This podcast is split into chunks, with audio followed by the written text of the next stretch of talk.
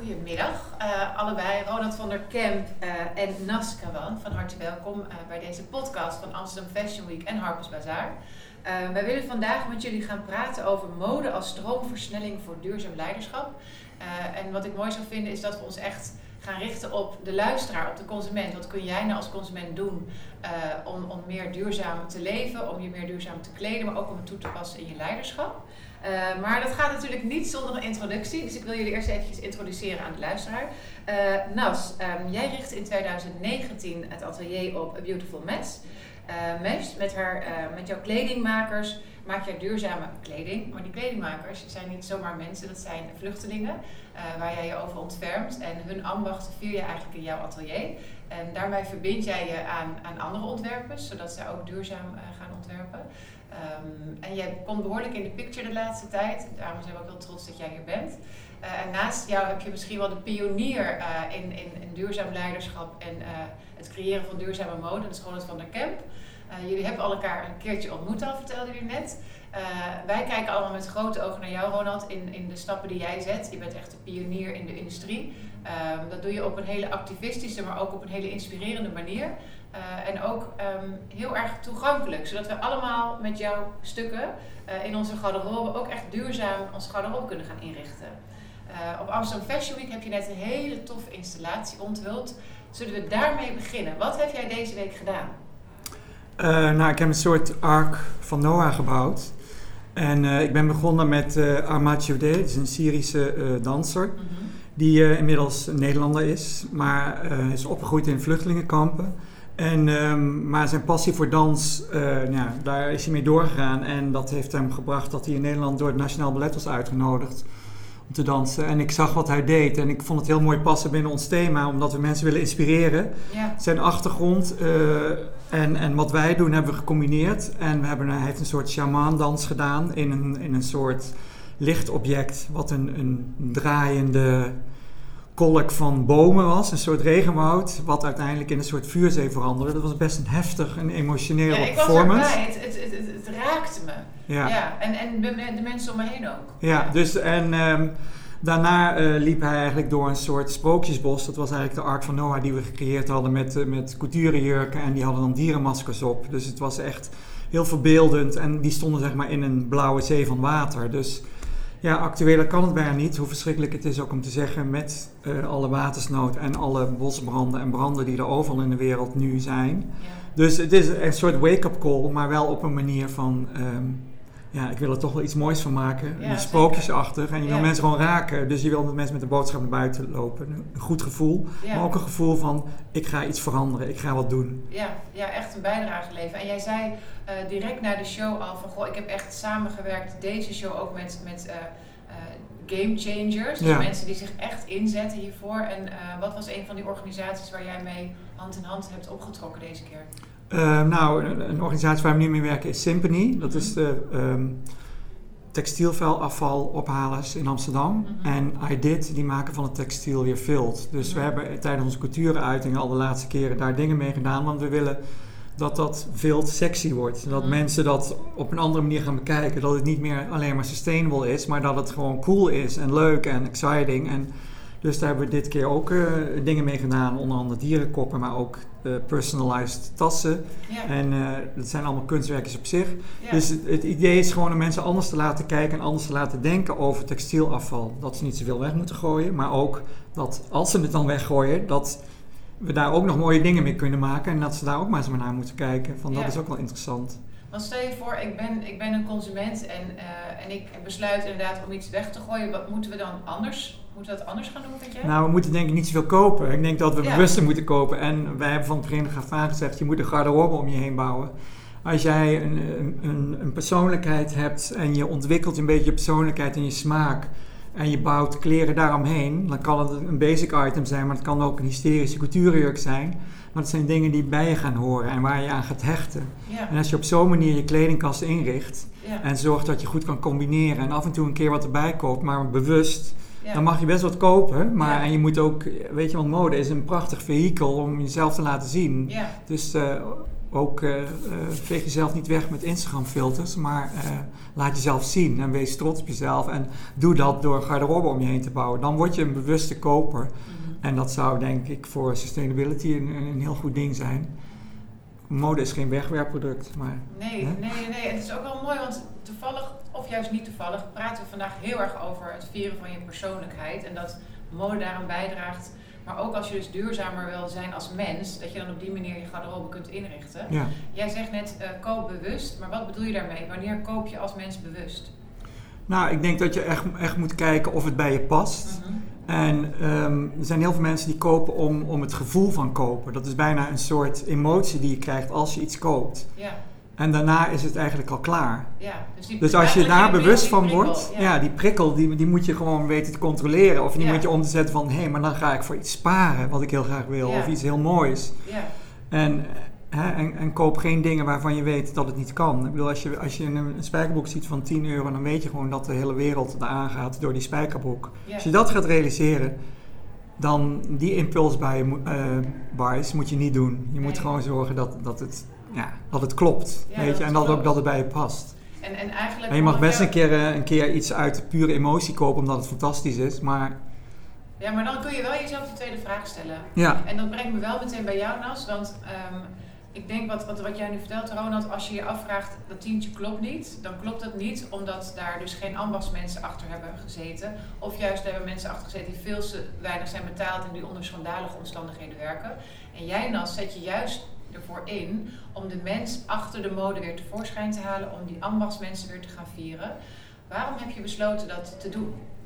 Ja, ik denk dat dat echt te maken heeft met dat uh, de industrie waar we het net over hebben van uh, de jeans van 10 euro, dat is natuurlijk ook echt ontstaan uit de massaproductie. Mm En de massaproductie kan alleen maar voorbestaan op het moment dat de lage lonen ook in stand worden gehouden. Mm Dus dat is vanuit, uh, vanuit ons in de onderneming is dat in de beginfase een van de grote frustraties geweest. Dat we dus een, dat we miljoenen textielwerkers hebben die onder barre werkomstandigheden, onder lage lonen. Ehm, deze kledingcollecties produceren, zodat de consument alleen maar meer, meer, meer kan kopen.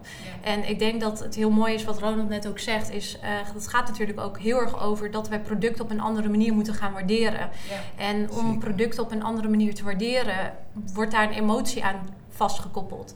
En ik denk dat de emotie vanuit uh, de koopdrang de verkeerde emotie is. En dat het veel meer moet gaan naar hoe een product is gemaakt, door wie het is ontworpen, waar het is gemaakt. En uh, daar hebben we dus ook de transparantie in de keten voor nodig.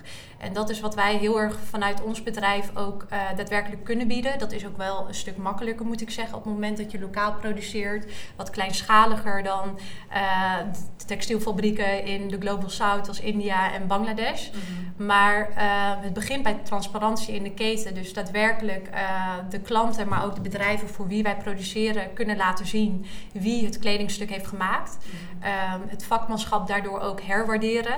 En um, de mensen achter de naaimachine ook een gezicht geven. Ik denk dat we het uh, menselijk aspect daarin heel erg zijn verloren in uh, de afgelopen jaren. Ja, dat denk ik ook. Ik vind het wel stoer dat je uh, juist in deze industrie nu je stappen bent gaan zetten. en ik denk dat die transparantie een hele mooie les kan zijn voor ons als consument, maar ook als je een bedrijf runt en je wil uh, het bedrijf duurzaam runnen, dan moet je volgens mij beginnen met transparantie. En dan druk je dus meteen met de neus op de feiten. En dan kun je ook gaan schakelen, waar, waar je inderdaad moet ingrijpen. En dan laat jij juist op dit moment heel erg de mensen achter de naaimachine zien. En die met hun handen aan het werk zijn. Maar dat zijn niet zomaar mensen in jouw geval. Dat zijn in jouw geval vluchtelingen. Klopt. Waarom heb je daarvoor gekozen? Nou, we hebben in Nederland, uh, net als in heel veel andere landen uh, in Europa, hebben we natuurlijk een hele grote vluchtelingenstroom gehad. En dat begon in 2015 heel erg. En uh, wat je ziet in Nederland is dat wij heel veel mensen met een vluchtelingenachtergrond uit Syrië in Nederland hebben. Mhm. En de textielindustrie in Syrië was zo'n twaalf jaar geleden voor de oorlog eigenlijk vergelijkbaar met wat het nu is in landen als India. Mhm. En eh, dat betekent dat we ontzettend veel vak, uh, vakmanschap mensen uh, in het land hebben. En we zijn eigenlijk de talenten van deze mensen gaan inzetten voor ja, ook wel de circulair economische uitdaging die wij hier hebben op het vlak van produceren. En we hebben dat met heel veel grote corporate bedrijven gedaan. We hebben dat ook met ontwerpers gedaan. We hebben dat nu gelukkig ook steeds meer met kledingmerken. merk je dat, dat, dat daar wat gaat gebeuren. Maar het komt eigenlijk allemaal neer op de talenten van de mensen die we dag één al inzetten. Waardoor je het integratieproces daarin ook voor hen uh, kan versnellen. Want ze hoeven niet perfect Nederlands te spreken om Um, om een t-shirt uh, te produceren of die ene tote bag te maken voor uh, Asian Tate. Mm -hmm. Daarbij kan je ze dag één al aan het werk zetten. En, en dat is heel erg waar wij ons op richten. Mm -hmm. Maar wij geloven ook heel erg in samenwerken. Want je kan dit alleen maar bereiken door een integrale aanpak. Dus je hebt ontwerpers als Ronald nodig om daadwerkelijk die grote positieve verandering ook in de mode-industrie teweeg te brengen. Maar denken jullie dat als ik jullie zo hoor praten, dan zie ik heel erg de kleinschaligheid van bijvoorbeeld een couturier vormen en van jouw atelier vormen. Maar is dit ook mogelijk dan voor die grotere merken? Kunnen die uiteindelijk ook zo gaan werken? Of is het echt voorbehouden voor eigenlijk de mensen die nu op dit moment het handwerk afvieren? Ja, ik denk dat uh, een heel groot verschil wat je tussen heel veel grote merken ziet, waarbij er een heel groot apparaat achter zit, zijn conservatieve modellen. Ja. En uh, dat is ook waar de ontwerpteams op worden ingericht. Wij zien dat bijvoorbeeld ook bij een merk als Tommy Hilfiger. Ja. En de vrijheid wat een couturier heeft of uh, de creativiteit die daarin heel erg getoond wordt, daar kan je veel grotere stappen in zetten. Dus ik denk ook dat veel grote merken ook veel meer moeten gaan kijken naar wat zijn nou de ontwerpers. We hoeven het wiel misschien misschien niet zelf uit te vinden, want het gaat ons misschien nog jaren kosten. Het probleem is ook de, de, schaal. Dat is, dat is het grootste probleem in deze wereld, maar dat is met alles. Want nou ja, als je uh, een LVMH of een Caring Group, die hebben samen 35% van de stockmarket in, in, in Parijs. Dat is, als je dat bedenkt, dat is, dat is echt absurd. Maar die hebben zo'n power over alle apparaten en zoveel, ik bedoel, daar is zoveel van afhankelijk.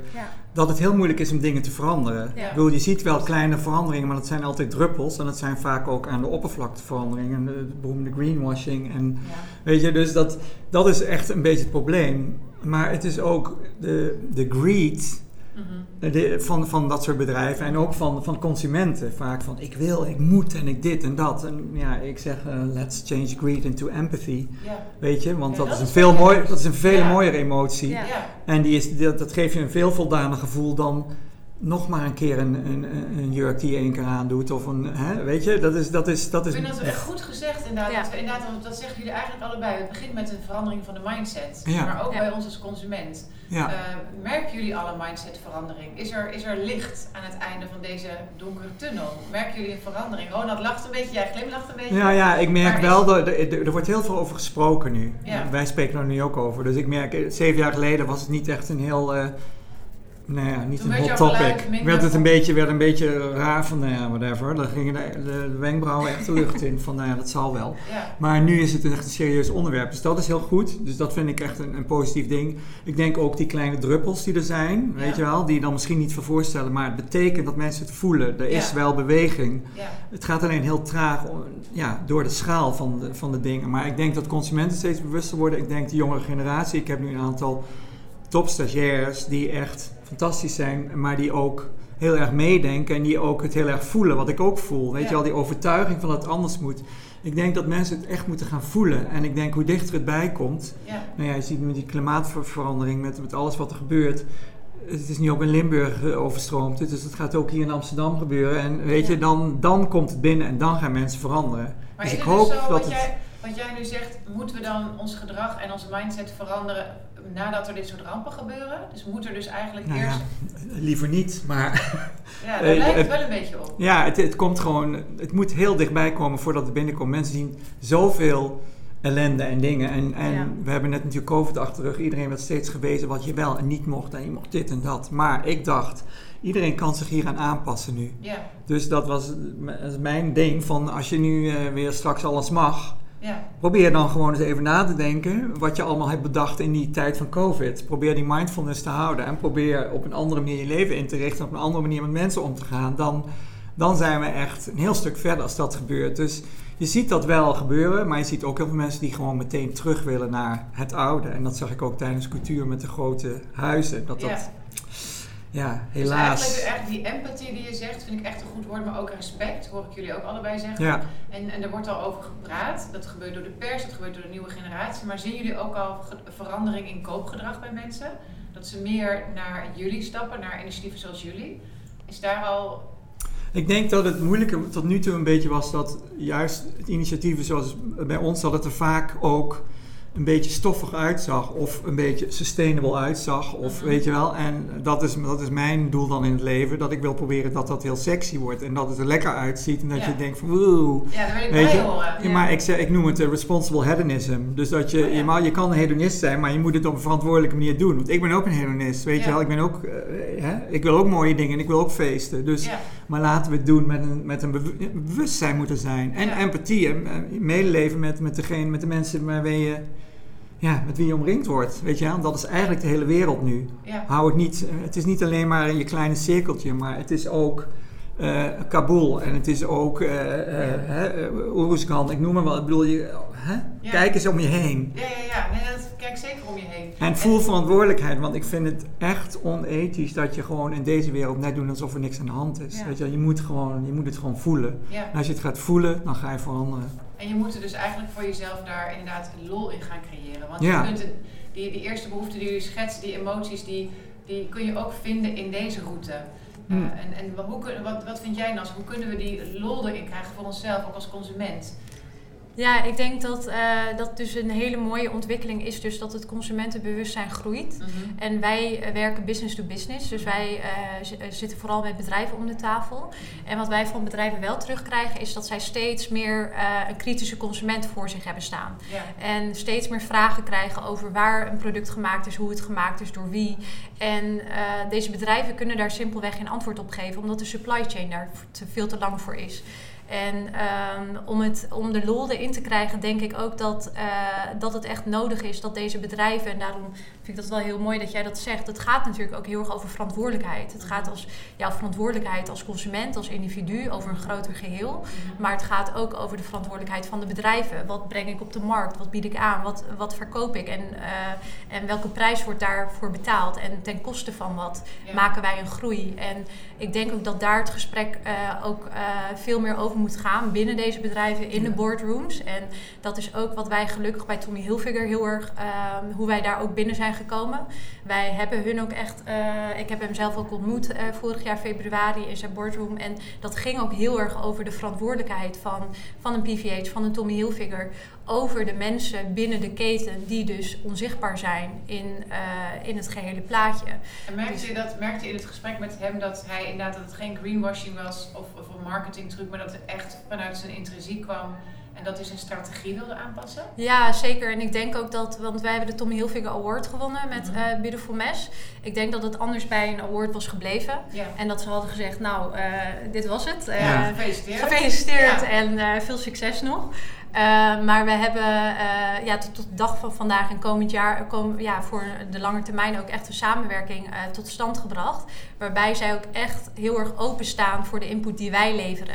Dus wij zitten nu heel erg in een fase waarbij, ze ook, waarbij we ook echt met ze meedenken van hoe kunnen we dat dan vormgeven? Hoe kun je dat de markt opbrengen? En dat is denk ik heel mooi. Maar het is natuurlijk wel zo dat we zijn afhankelijk van de grote spelers en hoe die bewegen. Wil je de impact ook vergroten? Ja, dat Dus, is, wel, is, dat ja. echt, is dat echt zo? Zijn we echt afhankelijk van de grote spelers hierin? Nou, zij hebben natuurlijk wel een heel, heel sterk marktaandeel. Wat ook niet, eh, dat gaat niet over één nacht, eh, één, ja, één nacht nacht ijs. Ja. Dus ehm, de- dat marktaandeel, dat, eh, dat houden ze nog wel eh, even bij zich. Dat, Ja. die weet je en, dat, en ik denk Ja. de enorme power die ze hebben Ja. over, over de pers en over Ja. de consument, onbewust of bewust. Maar Zij kunnen dingen veranderen. Maar toch zie je wel, vind ik, maar wij zijn natuurlijk allemaal voorlopers ook vanuit de media. Ik vind wel dat er een toegenomen belangstelling ontstaat voor juist de kleinere spelers. Ja, eh, omdat die snellere stappen kunnen maken. klopt. Maar hoe kunnen wij nu met elkaar het proces versnellen dat het allemaal duurzamer gaat? Wat kunnen wij zelf bijdragen als leider van een bedrijf, als iemand die zelf in de boardroom zit of als consument? Wat, wat kunnen wij doen? Ja, ik denk dat wat daarvoor nodig is, is dat we van het bewustzijn overgaan tot uh, actie. Ja. Ja. En dat zijn ontwerpers als uh, Ronald, maar dat zijn ook uh, ja, nieuwe merken misschien die beslissen op een hele andere manier te produceren of lokaal te produceren. En ook veel meer te kijken naar de makers. En je hebt daar natuurlijk steeds, gelukkig steeds meer voorbeelden van. Maar ik denk dat het echt. Uh, nou, bijvoorbeeld uh, Zazie Vintage is wel een uh, mooi voorbeeld. Dat is mm -hmm. ook van Gianne, die ik ook ken. Ja. ja. En uh, wat zij bijvoorbeeld heel goed doen, is de aandacht toetrekken naar de makers, naar de vrouwen.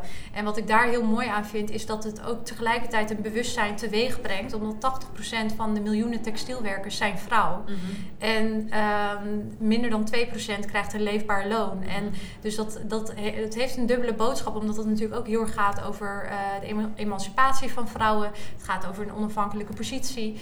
Um, maar uh, dat zijn wel voorbeelden um, uh, die heel goed laten zien dat uh, we het menselijke aspect terug moeten brengen en dichter bij het product moeten brengen. Dus dat het niet meer moet gaan over alleen maar het mooiste jurkje die je dan koopt uit een emotie of uit een greed.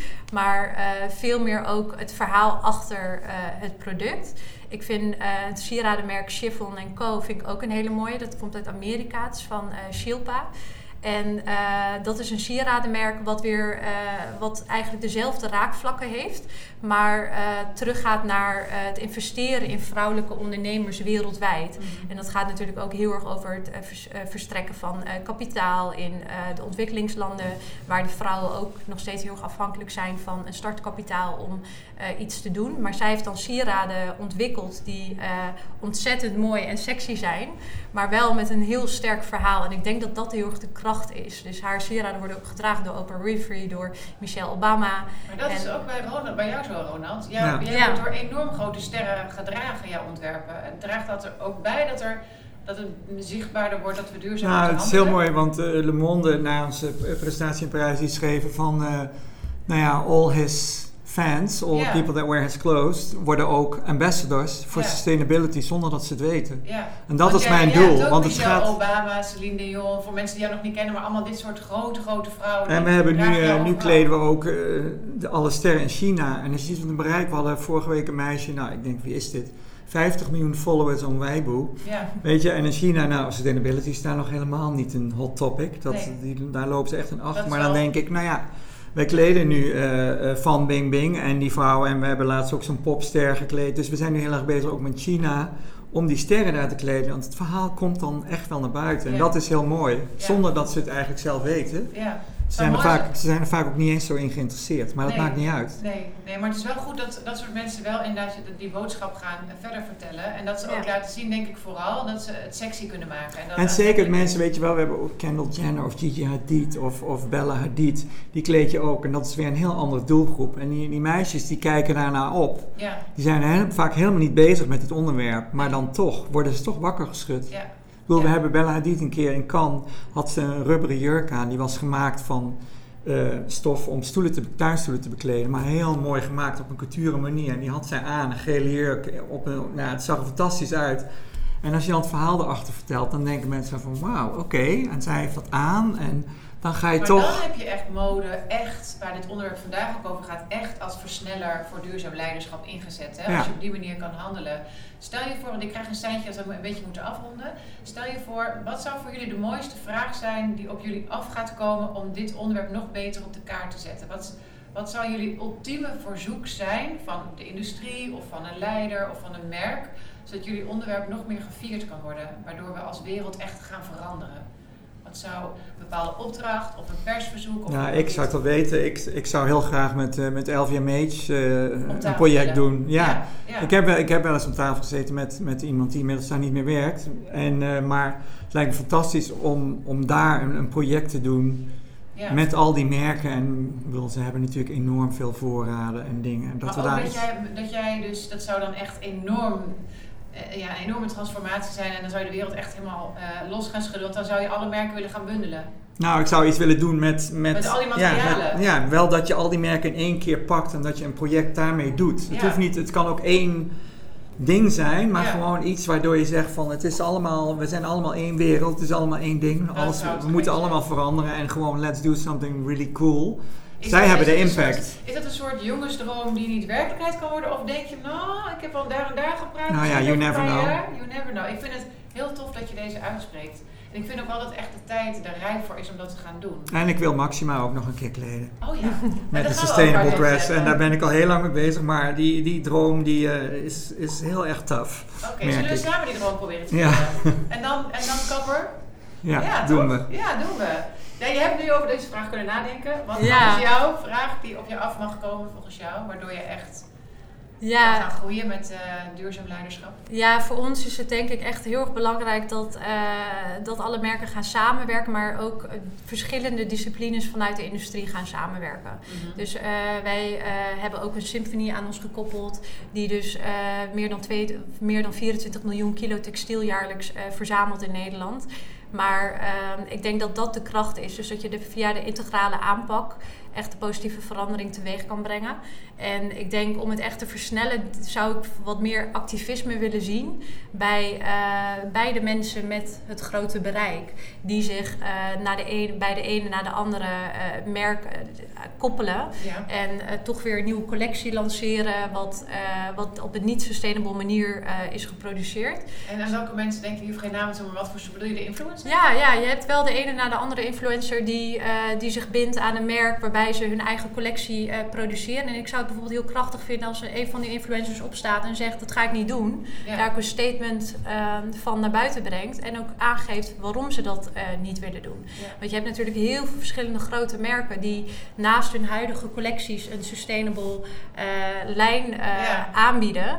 En eh, dan ga je een beetje werken met CO2-compensatie. En, en dat is precies hoe het nou eh, Niet. niet, werkt. En ja, niet moet. Nee, Ja. heel goed dat je dat Ja. ook even blootlegt. Ja. Ja. ja. ik vind het een mooie wens. Ik, dus, dus als ik een consument ben, dan ga ik de, de andere vragen stellen aan mezelf. Dus ik ga vragen wie heeft het gemaakt. Ja, Eh, want dan ga ik al zeker duurzamer kopen, denk ik. Ja. En een duurzamer garderobe samenstellen. En als ik leider ben van een bedrijf, dan ga ik ervoor zorgen dat mijn, mijn, mijn proces transparanter wordt. Ik ga de mensen achter de ambachten zichtbaar maken. Eh, en eh, als ik naar jullie luister, gaan we veel meer samenwerken. En ook samenwerkingen tot stand brengen die nog nooit eerder zijn gebeurd. Omdat we dachten dat dat niet kon en niet goed was voor ons merk. Maar juist die krachtenbundeling gaat het verschil maken. Ja. Ik hoop dat de grote beslissers met ons meeluisteren. Laten we deze podcast vertalen, zou ik zeggen.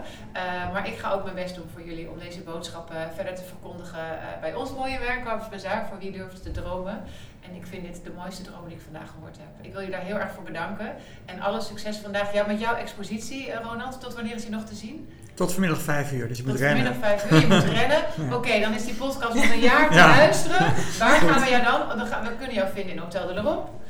Kunnen jou vinden in je eigen atelier. Ja. En blijf jij showen op Coutureweek? Ja, we blijven een cultuurweek doen. En, ehm, ja, en we maken ook made-to-measure eh, kleren ook, voor, ook bereikbaarder. Dus Ja. niet alleen maar voor de grote de aarde. Nee, maar Dus, stel je eh, voor dat je een, een leider nu bent en je luistert en je werkt voor een heel tof bedrijf en je wil jouw crowd inspireren, of jouw mensen of jouw klanten, en je draagt jou, dan heb je, heb je meteen een prachtige conversation piece Ja. waarmee je heel mooi binnenkomt. Zo En dan kun je het verhaal gaan dragen, Ja. letterlijk en figuurlijk. Dat is, Dat eh, lijkt me ook dat een is de mooie bedoeling. afspraak. Dat is de bedoeling. Ambassadors, come on. Ja, ja, nee, dat is de Ja. bedoeling. En, en, en voor Nas, waar kunnen we jou volgen?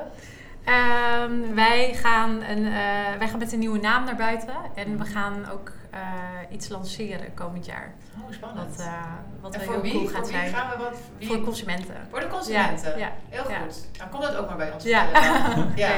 Dankjewel voor jullie tijd en eh, veel succes vandaag nog. Dankjewel. dankjewel.